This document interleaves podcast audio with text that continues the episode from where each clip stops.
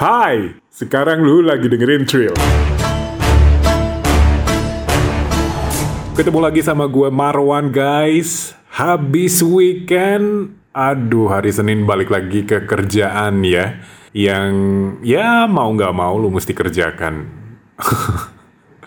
Itu resiko buat orang yang kerja. Yang paling enak sih sebenarnya kerja dia punya kantor sendiri. Lu lu bosnya gitu, guys. gue harap kerjaan lu lancar ya. Kalaupun ada kendala, semoga bukan masalah yang besar dan lu bisa mengatasi dan melewatinya. Namanya juga orang hidup ya. Pasti ada aja masalah dikit-dikit. Jadi jangan berkecil hati dong. Pasti lu bisa mengatasinya kok. Kayak biasanya guys, setiap Senin gue punya cerita film yang beda lagi. Nah pada episode kali ini, gue punya cerita film non-Hollywood. Yaitu tepatnya dari Spanyol. Filmnya udah lumayan lama, dirilisnya pada 1996. Dan gue yakin, pada waktu film ini dirilis, nggak diputar di Indonesia. Ya alasannya karena bukan dari Hollywood aja sih. Ya sebenarnya kalau film ini dari India atau dari Tiongkok kemungkinan masih bisa diputar di bioskop di Indo ya. Mengingat film-film India atau Tiongkok yang berbahasa Mandarin di Indo itu udah banyak banget penggemarnya. Tapi karena film ini dari Spanyol, fix nggak bakal diputar di Indo. Indonesia saat itu belum terbiasa ya dengan film-film yang main bule tapi nggak pakai bahasa Inggris guys. Jadi ya kita harus bersyukur, kita harus berterima kasih dengan teknologi sehingga film non English saat ini udah bisa kita tonton melalui streaming platforms. Ada banyak sekali pilihan streaming platforms yang bisa menonton, yang lu bisa menonton uh, film-film non English di situ. Judul film yang akan gue ceritakan kali ini berjudul Thesis. Kalau judul asli di negara asalnya adalah tesis sama aja, cuma tanpa huruf H setelah huruf T. Dibacanya juga sama. Artinya juga sama dengan tesis yang kita kenal, yaitu karya tulis ilmiah untuk jenjang pendidikan S2. Dan karakter dalam film ini memang diceritakan uh, lagi lagi menggarap atau lebih tepatnya lagi melakukan penelitian untuk tesis S2-nya, gitu guys kurang lebihnya. Tesis disutradarai sekaligus ditulis oleh sutradara asal Spanyol yang udah dikenal di Hollywood yaitu Alejandro Amenabar. Saat menggarap film ini, Amenabar ini masih jadi mahasiswa perfilman di Spanyol guys. Event karirnya masih muda, tapi dari tesis ini, Amenabar langsung diganjar tujuh penghargaan Goya dan perlu lo tahu, Goya ini adalah penghargaan tertinggi insan film Spanyol setingkat dengan Academy Awards di Hollywood. Makanya dari tesis inilah nama Amenabar mulai dikenal. Setahun sesudahnya, sesudah tesis, Amenabar mengarahkan satu film Open Your Eyes yang diremake oleh Hollywood. Diganti judulnya Vanilla Sky yang dirilis pada 2001 yang dibintangkan oleh Tom Cruise dan Penelope Cruz. Lu pasti tak kenal lah sama film ini ya karena lumayan banyak di, diobrolin di tahun itu. Sampai sekarang pun orang masih suka nonton kok. Dan sering diputar di TV, bukan TV nasional ya, tapi lebih ke TV jaringan. Kayak HBO, ya pokoknya TV TV TV jaringan lah, TV kabel lah. Remake pun membuka jalan Amenabar di Hollywood guys. Dan dia diberi kepercayaan untuk menggarap The Others yang juga dirilis tahun 2001. Film horor legendaris yang dimainkan oleh Nicole Kidman dan tau lah sempat gue ceritain kok minggu lalu kalau lu mau denger lu dengerin yang minggu lalu hari Senin minggu lalu episode 20 ya. Tesis dimainkan oleh aktor-aktor Spanyol kayak Ana Torrent, Vele Martinez, Eduardo Noriega, Xavier Eloriaga dan banyak lagi. Mungkin nama-nama itu lumayan dikenal kali ya di Spanyol ya. Kalau di Indo sih gue nggak begitu banyak tahu tentang aktor-aktor itu yang gue sebutin. Gue juga nggak banyak searching sih.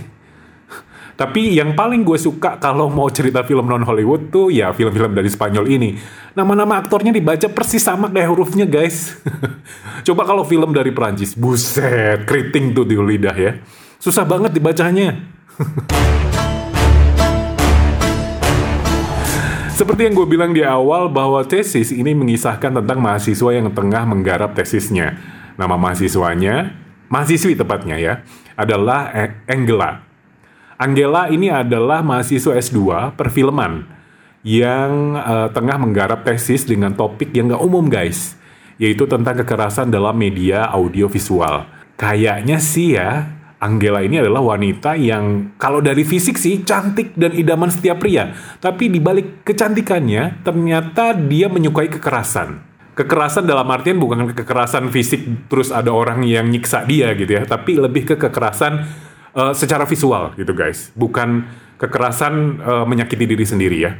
Gokil kan ya, maksudnya uh, cewek cantik tapi suka kekerasan ya udah kelihatan sih ya pas ada uh, kecelakaan kereta yang padahal udah ada peringatan tuh agar penumpang jangan melihat korban, tapi tetap aja Angela penasaran dan ingin melihatnya. Nah untuk topik tesisnya, Angela sering berdiskusi dengan dosen pembimbingnya, uh, yaitu Profesor Figueroa. Nah untungnya Figueroa ini sangat mendukung topik tesis Angela. Tapi tentu saja namanya juga ya karya tulis ilmiah dong nggak mungkin asal nulis aja. Nah, Angela ini masih membutuhkan materi pendukung penelitiannya, yaitu contoh video-video kekerasan asli, kayak rekaman-rekaman dari berita-berita sebelum sensor misalnya, ya, atau sejenisnya lah. Figueroa ini pun menyarankan Angela untuk datang ke ruang arsip kampus karena video-video yang dibutuhkan Angela kemungkinan ada di sana. Nah, dengan akses Figueroa yang adalah seorang guru besar, Angela pun menemukan sebuah video misterius yang membawanya pada sebuah kasus mengerikan yang pernah terjadi di kampusnya itu. Dalam kisah film ini pun Angela mengenal karakter Cema, mahasiswa antisosial pencinta film-film horor dan musik underground. Terus, apakah yang terjadi selanjutnya? Nah, kira-kira video misterius apa sih yang Angela temukan di ruang arsip kampus? Jawabannya ya lu harus nonton sendiri dong filmnya guys. Pada saat gue memilih film ini buat gue tonton, gue nggak pernah membaca sinopsis atau sedikit tahu tentang film ini menceritakan tentang apa. Karena sejujurnya film ini udah berapa ya? Pokoknya pas pandemi kemarin lah, pas covid kemarin, gue nonton film ini. Jadi kurang lebih udah dua tahunan lah guys. Tapi pas gue tonton ternyata film ini punya kekuatan cerita yang menarik dan cukup mendebarkan. Ceritanya simpel sih ya, tetapi tetap memikat dong. Gue nggak tahu apa yang mendasari Amenabar mengambil ide tentang kekerasan pada filmnya ini. Apakah karena waktu itu banyak beredar film-film kekerasan brutal yang ada di internet? Atau dia menemukan video kekerasan di kampusnya? Ya, mungkin hanya Amenabar yang tahu ya. Gue pernah ingat juga pas awal tahun 2000-an, di internet itu banyak sekali video-video kekerasan yang gak layak tonton karena saking brutalnya guys. Bahkan di YouTube, sebelum platform penyedia video secara gratis itu sekomersial sekarang, punya koleksi video-video kekerasan sangat banyak dan tanpa sensor guys. Gue nggak tahu sekarang ya, apakah masih ada atau enggak video-video itu, atau di, udah di check down. Gue juga nggak tahu. Gue juga males untuk nyari juga, karena sejujurnya, video-video semacam itu bukan bukan uh, video favorit gue ya. Tapi teman-teman gue yang suka dengan kekerasan brutal ini kadang sangat anteng guys di depan YouTube buat menonton video-video kekerasan itu. Kalau gue sih even dibayar miliaran pun, aduh kayaknya nggak akan pernah deh mau nonton video kekerasan itu. Sumpah, gue bener-bener nggak nyaman dengan video kekerasan kekerasan yang asli ya, bukan film. Kalau film pun yang terlalu gore gue ogah nonton guys. Mungkin hati gue terlalu lembut kali ya guys ya. Aduh, kayaknya tersayat-sayat dikit tuh langsung down gue. Gue kadang heran juga sih dengan orang-orang yang betah nonton video-video kekerasan kayak gitu. Kayaknya mesti diperiksa secara psikologis deh. Ini intermezzo ya guys ya. Gak bisa dipungkiri, manusia emang uh, makhluk yang sangat kompleks ya guys ya. Keinginan tahuan terhadap kekerasan ini udah jadi sifat dasarnya. Even gue yang gak suka dengan uh, video-video kekerasan, tapi gue penasaran juga. Buktinya, ada jutaan judul film yang beredar di pasaran dengan tema kekerasan guys. Coba lu cek. Ada banyak banget. Biasanya ini di film action dan juga film thriller. Cuma memang uh, tingkatannya yang berbeda-beda dari tingkatan yang sangat-sangat brutal sampai tingkatan kekerasan yang wajar. Nah, gue yang tingkatan wajar aja lah gitu ya, yang terlalu brutal enggak lah gitu. Kalau yang terlalu brutal, gue mendingan nggak nonton aja guys. Sebagus apa pun film itu atau sehappening apa pun film itu. Tingkatan wajar di sini adalah bukan berarti nggak sama sekali memperlihatkan darah ya. Karena film action atau thriller tanpa berdarah-darah nggak seru juga sih. Kalau tingkatan kekerasan brutal di sini adalah yang menampilkan kekerasan menyakiti manusia atau binatang dengan sangat eksplisit kayak pemerkosaan, penusukan, dan penyiksaan dengan detail guys. Bahkan sampai di zoom segala. Oh Tuhan, tolonglah hambamu ini. Males banget gue nonton film-film model kayak gitu. Film-film kekerasan kayak Quentin Tarantino atau even Joko Anwar, menurut gue sih masih sangat wajar. Malahan mereka mampu membuat kekerasan menjadi sangat estetis dan artistik.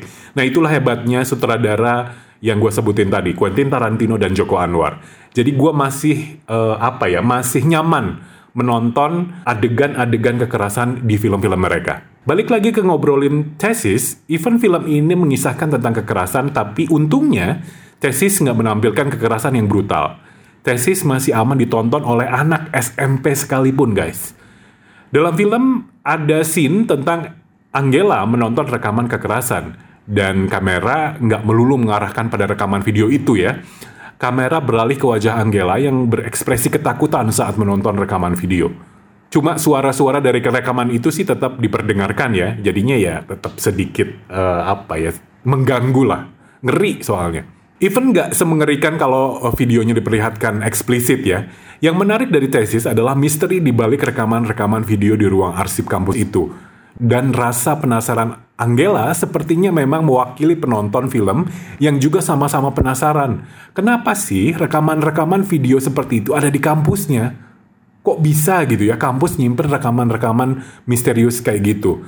Bayangin kalau lu menemukan rekaman-rekaman video aneh di kampus lu. Pasti juga lu bertanya-tanya, buat apa sih kampus punya video-video semacam itu?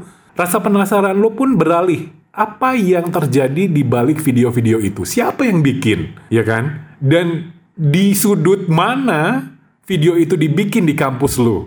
Apakah kampus sendiri terlibat itu atau hanya ada orang iseng yang membuat sengaja membuat kekerasan di kampus itu? Nah, itu yang bakal lu cari tahu di film ini. Kalau lu yang nggak terbiasa dengan film-film non-English, mungkin akan sedikit terganggu dengan bahasanya. Tapi percaya deh, Chassis punya gaya penceritaan yang tetap kokoh dari awal hingga akhir film. Jalinan ceritanya cukup matang dan mendebarkan event yang main bukanlah aktor-aktor yang biasa lu lihat guys. Pada akhirnya gue akan kasih 4 bintang dari 5 bintang. Wis, recommended ya. Recommended banget. Recommended buat lo tonton. Lu bisa cari film ini di streaming platforms favorit lu kayak Netflix, Apple TV, Hulu, dan bahkan YouTube. Uh, pengecualian yang YouTube kemungkinan itu ajakan sih karena bukan dari YouTube sendiri yang menyediakan video itu karena YouTube itu kan sebenarnya tidak menyediakan video lepas film lepas ya. Oke guys, sampai di sini dulu episode kali ini. Minggu depan gue akan cerita film-film yang berbeda lagi.